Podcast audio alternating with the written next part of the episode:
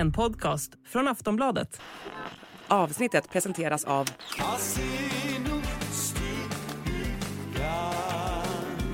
Stödlinjen.se, åldersgräns 18 år. Hej och välkomna till Kungligt. Jag heter Sara Eriksson. Och jag heter Jenny Alexandersson. Kungen ska hjärtopereras och kronprinsessan Victoria har kommenterat den kommande operationen. Men trots det här så har kungen inga planer på att gå i pension. Och så ska vi prata om prinsessan Märta Louise som inte verkar helt nöjd över beslutet att hon inte längre får representera norska kungahuset.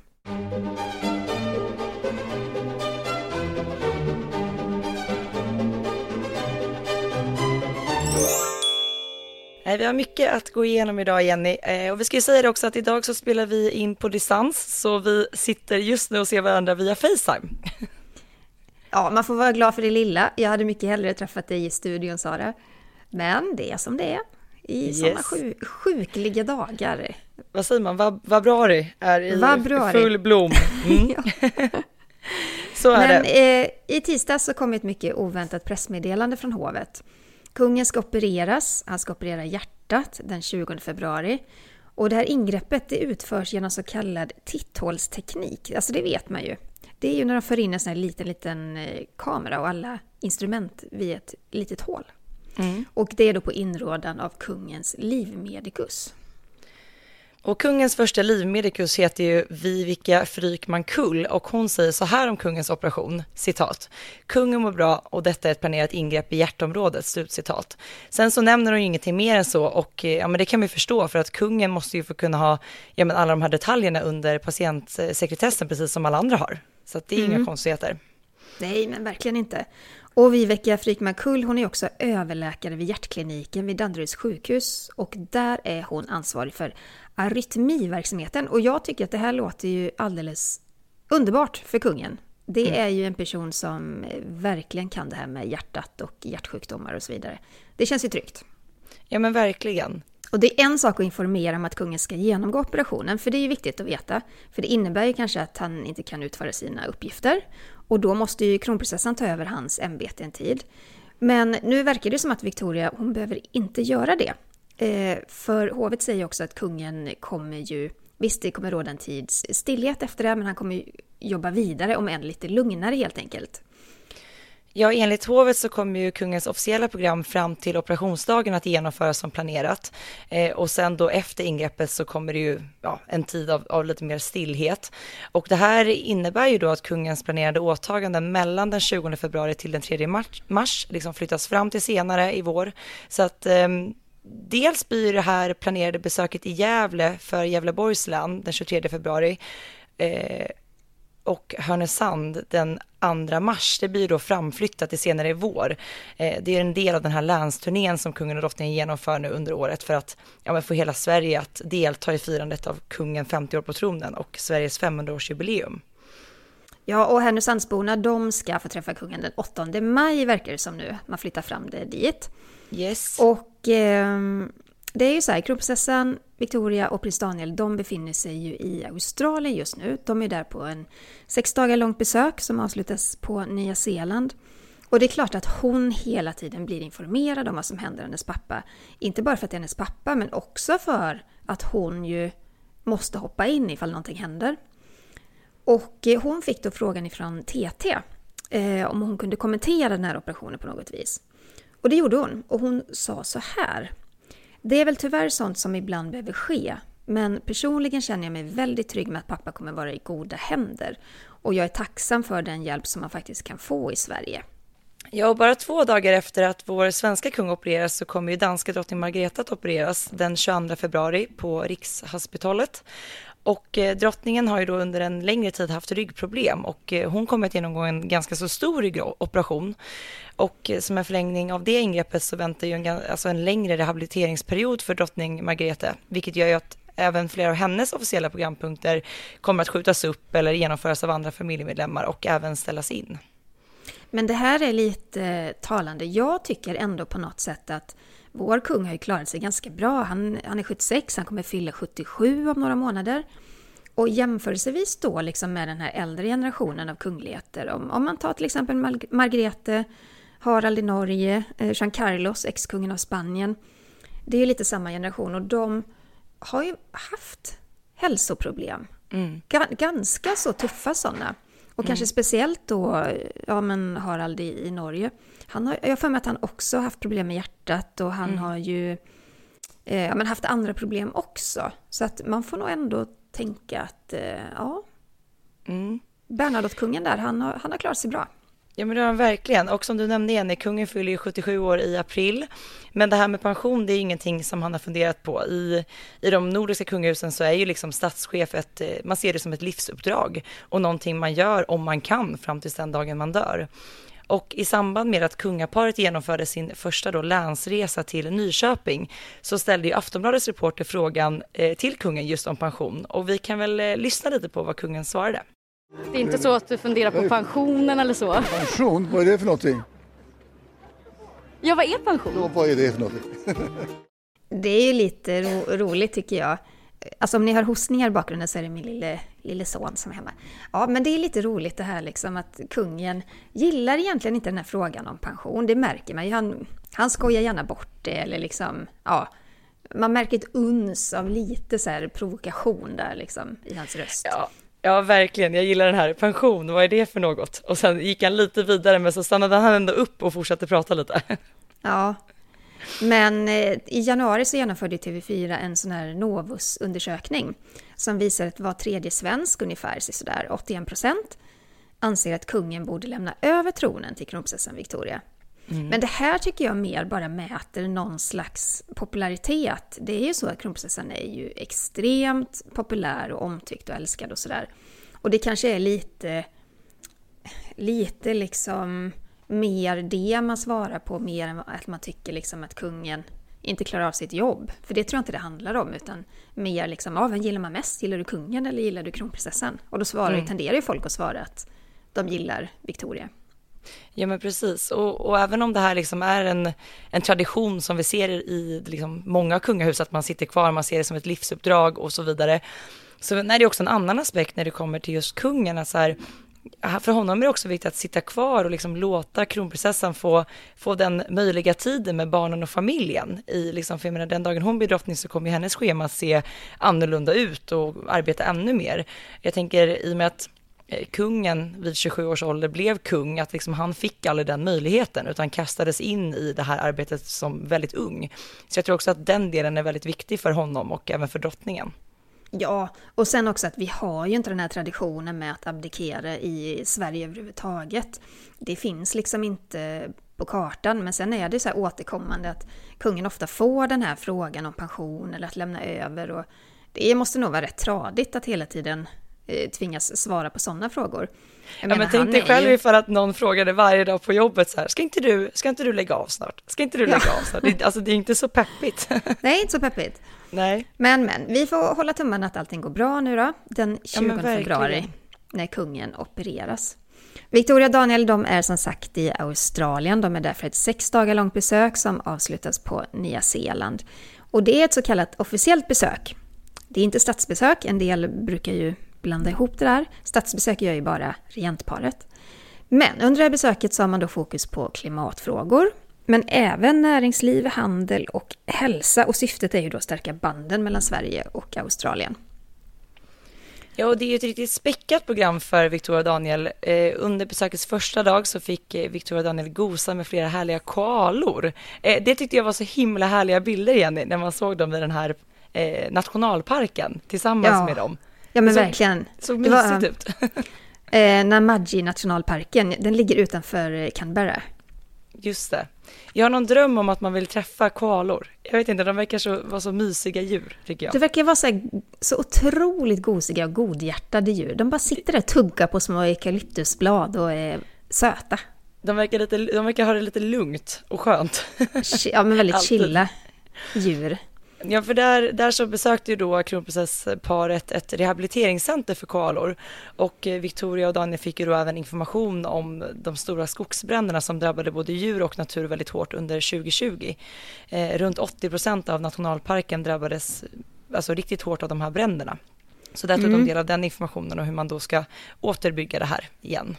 Ja, och Victoria sa i ett tal då senare på kvällen att Estelle och Oscar väntade där hemma på att få veta allt om koalorna och också om kängurorna. Och att hon hoppades då att barnen kunde följa med nästa gång som de besöker landet. Och det är ju lite speciellt för att den här resan till Australien den var ju från början tänkt att genomföras samma år som de stora skogsbränderna 2020. Men vi drabbades ju av en pandemi och då fick man ju skjuta på, på alla sådana resor. Men Canberra, det var ju då första stoppet på den här resan. Och paret hann också med att träffa den svenska ambassadören, de besökte Nationalmuseet i Australien och såklart då nationalparken och eh, alla fina koalor. Och eh, så här ser ju dagarna ut för Victoria och Daniel. Under resan nu så ska de ju bland annat vara med på ett klimatmöte på universitetet i Canberra och ett affärsseminarium eh, samt besöka operahuset i Sydney. De kommer att besöka sjukhus och även träffa damlandslaget inför VM i sommar. Det känns ju himla kul tycker jag. Ja. Jag, jag gillar ju damlandslaget, alltså det svenska. Och vi har ju en sambo som är helt galen i eh, fotboll. Fast faktiskt bara damernas fotboll, för att han gillar inte alls den här machokulturen kring eh, männens fotboll. Då väntar Men, ju ett roligt VM för er att följa i sommar då. Ja, tänk om man kunde få mm. åka till Australien då, det hade ju varit fantastiskt. Ja, verkligen. Men i alla fall, på Nya Zeeland som är sista stoppet, där ska de besöka Nationalmuseet, parlamentet och ha flera olika möten. Och så ska de besöka en återvinningsfabrik och en mejeriproducent. Och det här ligger verkligen i linje med både Daniel och Victorias intressen. Just att det är miljö och klimat och det är eh, entreprenörskap som då är mer Daniels grej där. Mm. Och eh, i ett tal under första dagen så berättade ju kronprinsessan att, eh, eller hon pratade om hennes första besök i Australien 2005. Det pratade vi även om tidigare i podden och Jenny, du var ju med på den resan. Ja, men det är så, det är så konstigt att tänka tillbaka på det, för att på den tiden så jobbade jag på Svensk Damtidning och det var en av de första riktigt långa resorna jag gjorde med kronprinsessan 2005. Och jag var faktiskt tvungen att gå in i vårt bildarkiv och kolla på de här bilderna från den här resan. För minnet, det, det har faktiskt bleknat ganska mycket. Förlåt min röst. Men på den resan då, 2005, då var hon iväg i tio dagar, så det var en väldigt lång resa. Och det var ju många saker som var ja, men ganska samma då som nu, just det här med att besöka eh, det berömda operahuset, alltså man tar samma typer av bilder och så vidare. Det var nationalpark, eh, Victoria klappade koalor då också. Men på den resan var det mer fokus på des design. Och det var en ganska stor svensk designutställning där som heter Swedish Style Australia. Och hon var med på någon modevisning. Och det var ju innan hon riktigt hade så mejslat ut att klimat och miljö var hennes eh, stora frågor. Just det. Men så trillade jag över en bild i arkivet på mig och Victoria från den resan. Och jag blev, alltså jag blev så chockad. Jag har så svårt att ta in det, men det här är nästan 20 år sedan. Och det säger så mycket om att jag är inte 20 år gammal längre. Nej men du vet, det blir så chock när man ser att men gud, både jag och Victoria ser ut som två bebisar. Vi, alltså, ja. vi ser så unga ut. Var, det var vi också. Var men... togs bilden på er ihop? Alltså, var det den ja, tagen? Men då, då var det på någon sån här pressträff. Eh, om det var på svenska ambassaden eller vart det var, jag kommer inte riktigt ihåg. Ja. Men, eh, ja, men man inser verkligen att tiden går och den går snabbt som tusan verkligen. Ja men det är så här, för när man pratar om 2005 så känns det som att det var nyss, men det är det, är det ju inte, som du nej, säger. Det är, nej men det är ju inte det, men alltså, och också just det där att jag var tvungen att gå tillbaka och kolla bilder för att minnas helt och hållet den där resan. Men det är, ja, det var är du med går. då under alla tio dagar, så det var liksom en lång resa för dig också? Ja, vi var med under alla tio dagar. Ja, det var en lång resa. Det, det minns jag och det var otroligt spännande.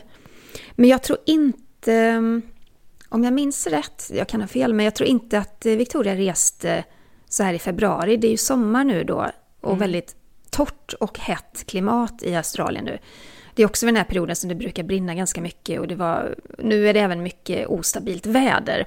Jag såg att de hade haft eh, otroligt mycket eh, storm och regn och översvämningar i Sydney. Hon ska ju till Sydney sen. Just det. Eh, det var lite lugnare då, 2005 kan man säga.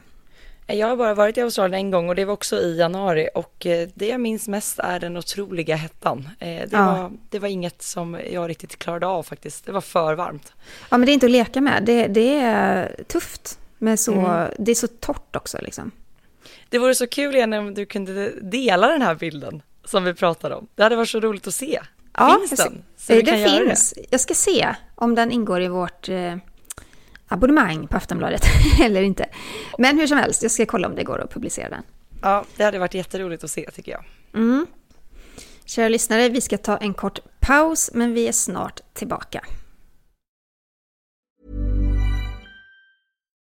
Subtle results, still you, but with fewer lines. Botox Cosmetic, out of botulinum toxin A, is a prescription medicine used to temporarily make moderate to severe frown lines, crow's feet, and forehead lines look better in adults. Effects of Botox Cosmetic may spread hours to weeks after injection, causing serious symptoms. Alert your doctor right away as difficulties swallowing, speaking, breathing, eye problems, or muscle weakness may be a sign of a life threatening condition. Patients with these conditions before injection are at highest risk. Don't receive Botox Cosmetic if you have a skin infection. Side effects may include allergic reactions, injection site pain, headache, eyebrow and eyelid drooping, and eyelid swelling. Allergic reactions can include rash, welts, asthma symptoms, and dizziness. Tell your doctor about medical history, muscle or nerve conditions including ALS or Lou Gehrig's disease, myasthenia gravis, or Lambert-Eaton syndrome and medications, including botulinum toxins, as these may increase the risk of serious side effects. For full safety information, visit BotoxCosmetic.com or call 877-351-0300. See for yourself at BotoxCosmetic.com. Nu är vi tillbaka och det har blivit dags för veckans Harry och Meghan.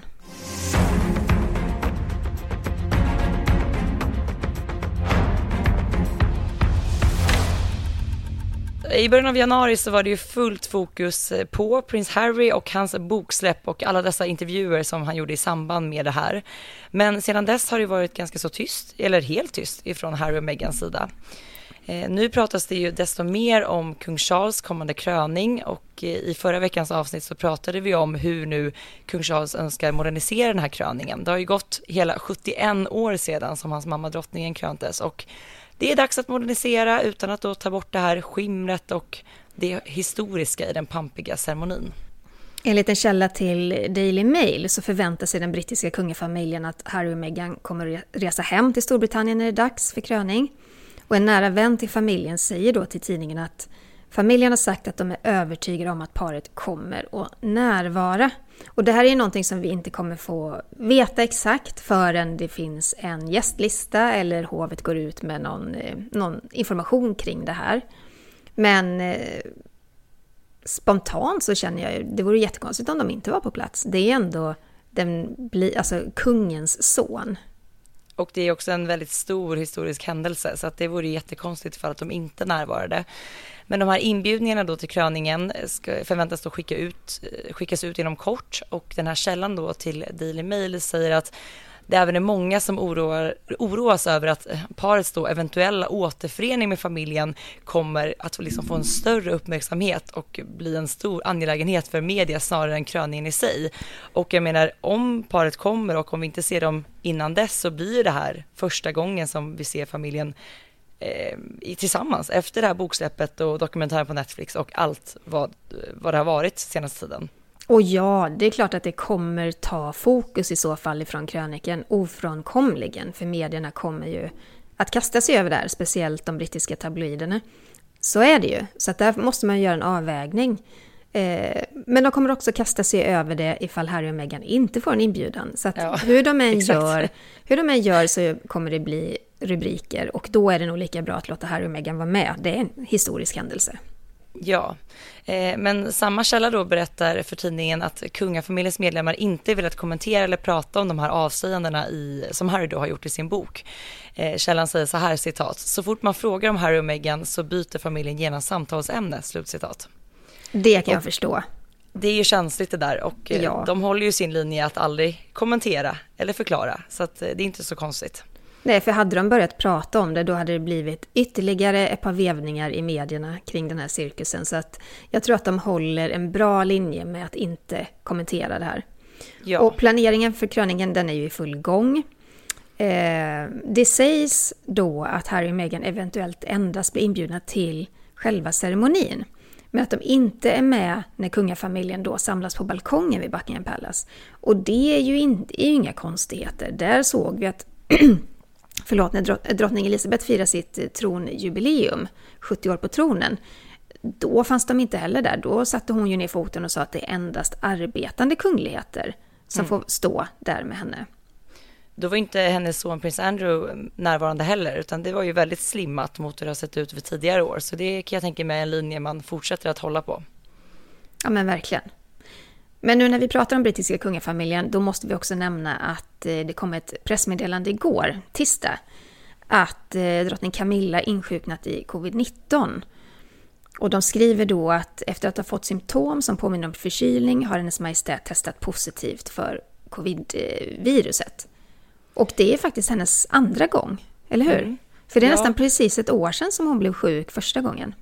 Ja, så hon har ju fått ställa in sina offentliga framträdanden och eh, kalenderpunkter här nu för den här veckan och i samma pressmeddelande så ber hon om ursäkt för detta. Eh, men eh, man kan ju inte rå för att man blir sjuk. Man har liksom nästan glömt bort lite det här med corona men så blir man påmind att folk blir ju fortfarande sjuka i det, så är det ju. Ja, men jag tycker det känns väldigt overkligt. Jag menar, i två hela år så satt vi i stort sett hemma och jobbade, de som kunde. Samhället var mer eller mindre avstannat i perioder. Och det var otroligt stort om någon drabbades av corona, man, man kände oro. Och nu är det mer att man tänker på det som en influensa. Mm. Och det var ju så alla experter sa också, det är så det kommer bli. Vi får bara vänta ut det så kommer det att vara mer som en influensa eller säsongsförkylning liksom. Ja, Och nu är vi exakt. där. Ja, nej det, det är faktiskt sjukt hur fort det har gått och samtidigt så långsamt. Det är konstigt allt det där. Sara, vi ska prata om eh, en av våra favoritprinsessor när det kommer till rubriker i alla fall. Eh, det är så att prinsessan Märta Louise, hon har varit med i Min sanning där Anna Hedenmo möter spännande gäster. Och det var nog rätt många som var nyfikna på vad Märta Louise skulle prata om. Särskilt eftersom hon och shamanen varit i blåsväder ganska så mycket den senaste tiden. Och sen är det ju det här, ganska nyligen så fick vi också beskedet att Märta Louise inte längre får arbeta för kungahuset. Kungen tog ju det beslutet i slutet av förra året om jag minns rätt. Och då var ju det efter en massiv kritik mot eh, paret. Det handlar ju bland annat då om de här eh, medaljongerna som shamanen säljer på sin hemsida för över 2300 kronor. Och han hävdar ju bland annat att medaljongen gjorde honom frisk från corona och att den här medaljongen kan ladda dricksvattnet med positiv energi. Och eh, Märta Louise, hon har ju också gjort en hel del reklam för shamanens verksamhet och hon har även gjort reklam för andra företag på Instagram. Och allt det här sammanlagt det ledde ju fram då till att kungen tog beslutet att utestänga sin dotter från att representera kungahuset. Och varken Märta Louise eller shamanen får nämna kungafamiljen i sina sociala medier eller i kommersiella sammanhang. Och vi lyssnar lite på vad Märta Louise sa. Han har hävdat att en medaljong som han säljer för drygt 2000 svenska kronor har botat hans covid och han vill sälja till fler. Eh, har inte sagt det på det sättet. Men det, det Men, jag tycker jag säg då, går hur, inte... hur är det? Nej, han sa... Ja, alltså, jag kommer inte att gå in på hela den där Nej. polemiken. om vad... För att allt är tagit lite ut av sin sammanhang. Och så är det alltid med pressen, tycker jag. Men, han men hur är det med medaljongen då? Nej, han sa att eh, med många andra ting som han också gjorde så var den med på att hjälpa honom också. Eh, eh, så det var inte så att det var den som helbredade honom. Det har han aldrig sagt. Ja, det som slår mig ofta när det gäller både Märta Louise och shamanen, det är ju att de tar upp det här med medierna och att det är mediernas fel eh, nästan hela tiden när det är någonting som, som skrivs om Märta Louise och shamanen. Det går inte att ta miste på att de avskyr pressen, men det, det finns en sak som paret inte verkar vilja inse. Och det är ju det att medierna hade ju skrivit om Derek Verretts medaljong även om han inte var shaman, även om han inte hade mörk hud. För det är ju så att om man vill sälja prylar till folk med motivet att den här prylen, den ska få dem att må bättre, den kan göra dem friska från corona eller någonting annat, så är det något som medierna ska granska. Ja men verkligen och, och varje gång Derek eller Märta Louise pratar om medierna på det här sättet så blir jag förvånad över deras förvåning. För självklart så kommer det ju att granskas och hade det varit tvärtom så borde ju paret blivit oroade med tanke, med tanke på hur viktigt det är. Och när man liksom hör Märta Louise sätt att prata om media idag så kan jag liksom inte låta bli att tro och känna att Daruk har påverkat henne väldigt mycket i synen på media, ja, inte minst då i Norge men även i världen. Eh, och det jag också liksom tänkte på i en intervjun, det var att hon har, har lite hårdare ton eh, kanske mot det här än vad vi har hört tidigare. Mm. Prinsessa Märta-Louise säger ju i intervjun att hon gärna hade velat ha kvar sina kungliga uppdrag. Hon tycker att det var givande att vara talesperson för människor med funktionsnedsättning och så vidare. Men hon får även frågan ifall hon skulle tacka ja till att återuppta sina uppdrag i framtiden och då svarar Märta-Louise att det skulle hon tacka ja till. Vi lyssnar lite. Det är ju ingenting som du har gjort eller sagt som har lett till det här utan det är då det som din fästman säger eller som han uppfattas. Det är det som har avgjort de här sakerna för dig. Ja, det är det. Hur känns det? Det är ju lite svårt i en tid där eh, kvinnorättigheter är så starka och vi kvinnor står på lik linje liksom, som män. Men gör vi egentligen det? Alltså, hade det varit densamma om, det hade varit, om jag hade varit en man? Det tror jag inte. Skulle det kunna vara så att du återfår dina uppdrag senare i livet? När livet ser annorlunda ut? Det vet inte, vi får se. Ja, hoppas du det? Men, ja, det, om det blir så, så, så säger jag ja till det. Louise konstaterar ju att kungens beslut att hon inte får arbeta för kungahuset längre handlar om saker som Derek Verrett har sagt och gjort och att eh, det inte då beror på henne. Och hon ställer sig alltså frågan om hon hade blivit av med sina kungliga uppdrag ifall att hon hade varit en man och hon tror ju inte det. Och det där är ju omöjligt att svara på. Jag tror i varje fall att medierna hade rapporterat på samma sätt även om Märta-Louise hade varit en man. Låt säga att hon då, eller hon som man, var på mm. väg att gifta sig med en kvinnlig shaman. Eller manlig, det spelar ingen roll. Och den personen sålde medaljonger som skulle göra människor friska från corona. Självklart så hade vi rapporterat om det. Men sen är ju frågan om hon som man hade förlorat sina uppdrag på grund av det. För det låter jag vara osagt. För här kan jag hålla med Märta om att kvinnor och män döms ju på olika sätt och eh, hanteras på olika sätt när de hamnar i blåsväder. Men det är intressant ändå att Märta Louise tar upp det här gällande att hon har blivit av med titlarna för att i samband med att beslutet togs så kommunicerades ju det först såklart eh, via norska hovet men sen så la också Märta Louise upp en video på sin eh, Instagram, eller två olika, en som hon pratade själv och en då ihop med, med Derek Verrett. Och där var det ju en lite annan ton gällande att hon har blivit av, eller inte längre får representera kungahuset. Så att här är hon ju lite mer hård i sin ton och ifrågasättande tycker jag. Mm, det håller jag med dig om. De där första videorna, de var ju mer eh, i linje med eh, kungens beslut och det var väldigt, vi är med på det hela och allt är fantastiskt. Ja men det men... var ju helt i linje med det som då norska hovet kommunicerade. Men här får man ju ändå höra hennes röst på ett annat sätt ja, och hennes verkligen. tankar och känslor.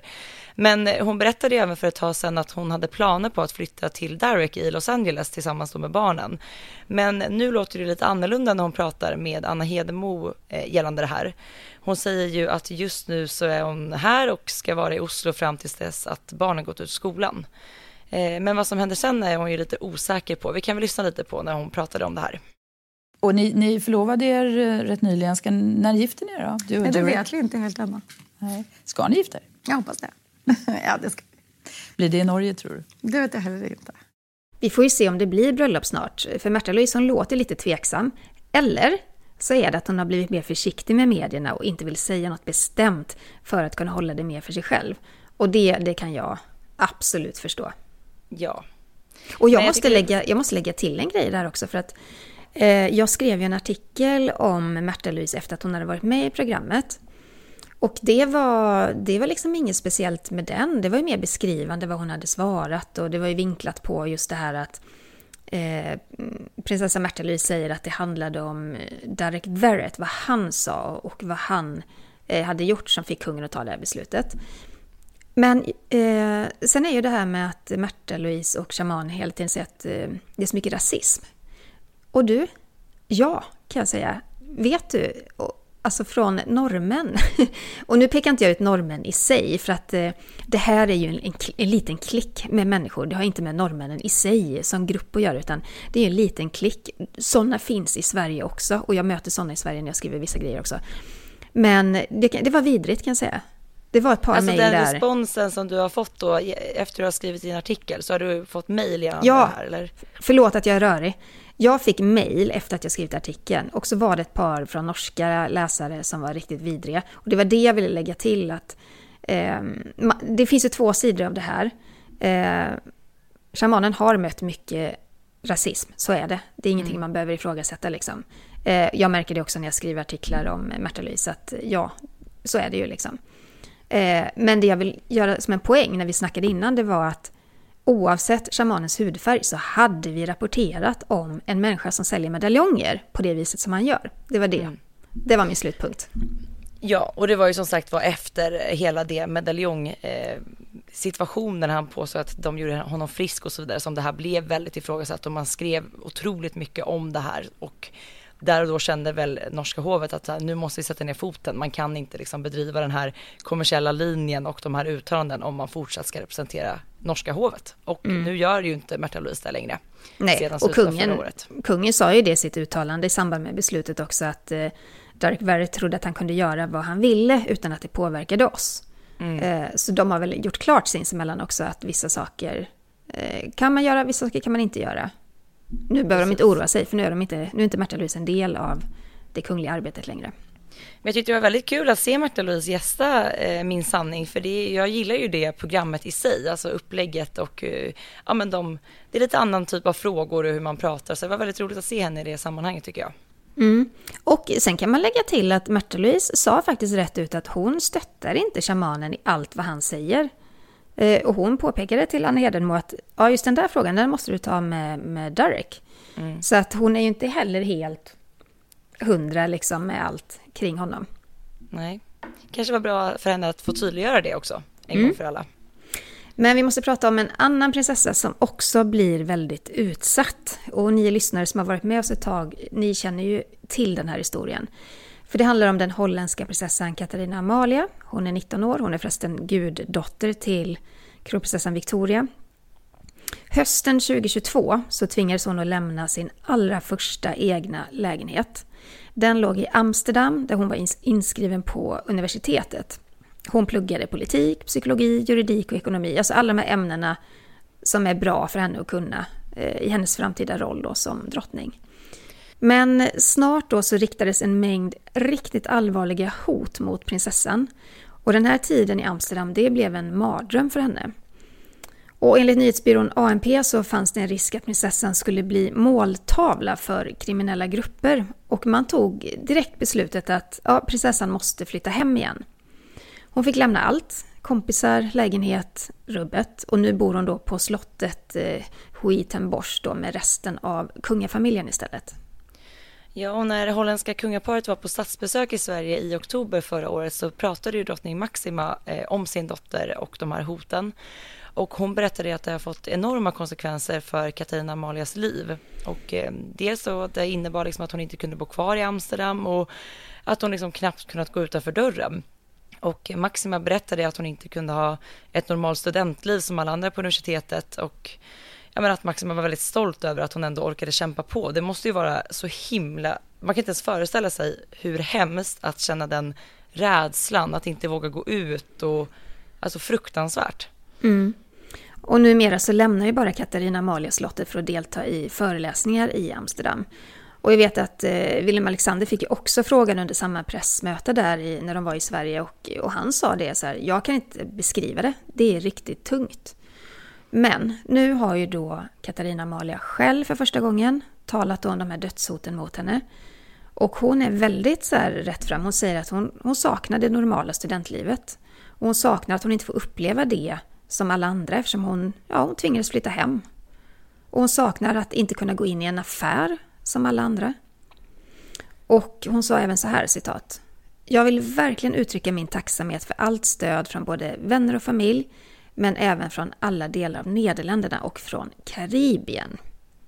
Och, ja, och anledningen då till att hon nämnde Karibien, det har ju att göra med att hon faktiskt följde med kungaparet till en rundresa i Karibien alldeles nyligen. Såg mm. du de bilderna, Sara?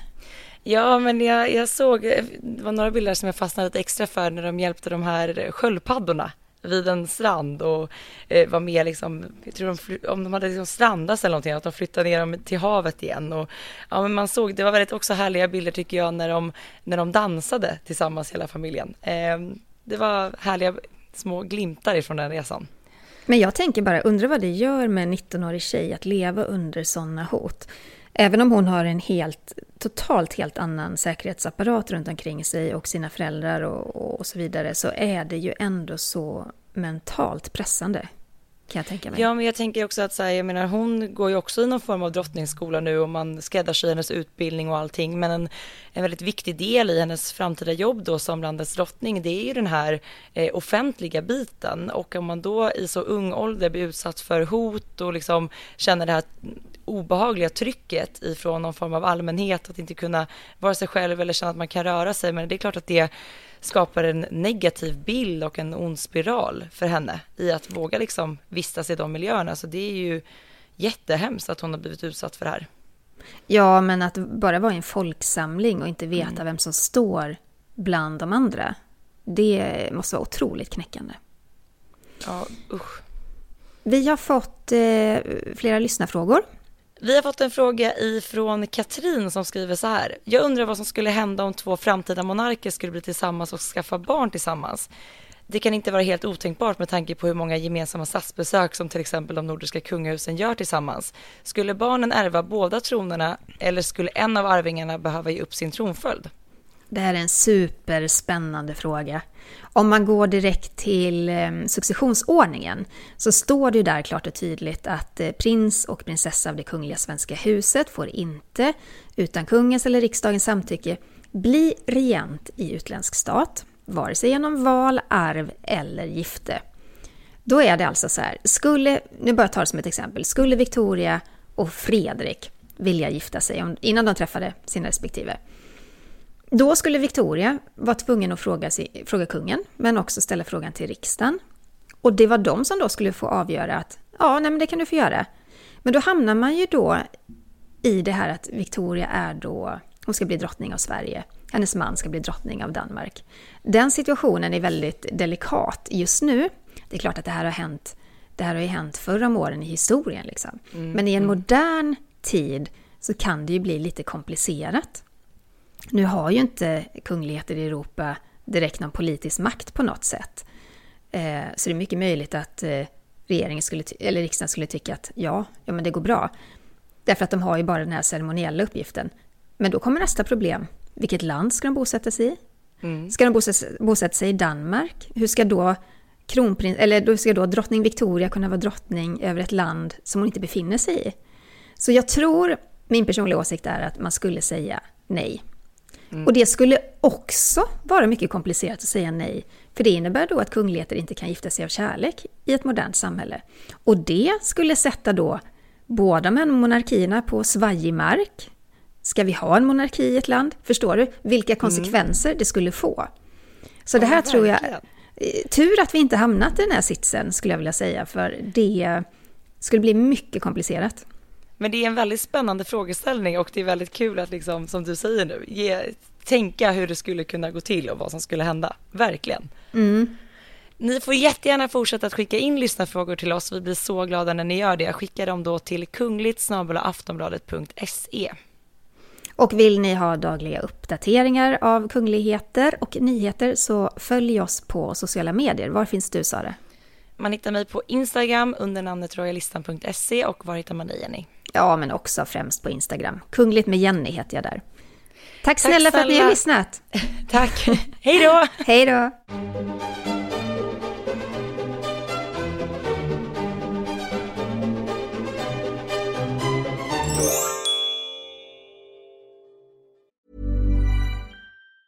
Say hello to a new era of mental health care. Cerebral is here to help you achieve your mental wellness goals with professional therapy and medication management support. 100% online. You'll experience the all new Cerebral Way, an innovative approach to mental wellness designed around you. You'll get a personalized treatment plan from a therapist, prescriber, or both in a safe and judgment free space. Your cerebral therapist or prescriber will outline a customized plan with clear milestones along the way so you can get to feeling your best. With Cerebral, you're not alone in your mental health journey. We're here to empower you to live a fulfilling life. So take that first step towards a brighter future and sign up today at cerebral.com slash podcast and use code ACasts to get 15% off your first month. Offer only valid on monthly plans. Other exclusions may apply. Offer ends July 31st, 2024. See site for details. Du har lyssnat på en podcast från Aftonbladet. Ansvarig utgivare är Lena K Samuelsson.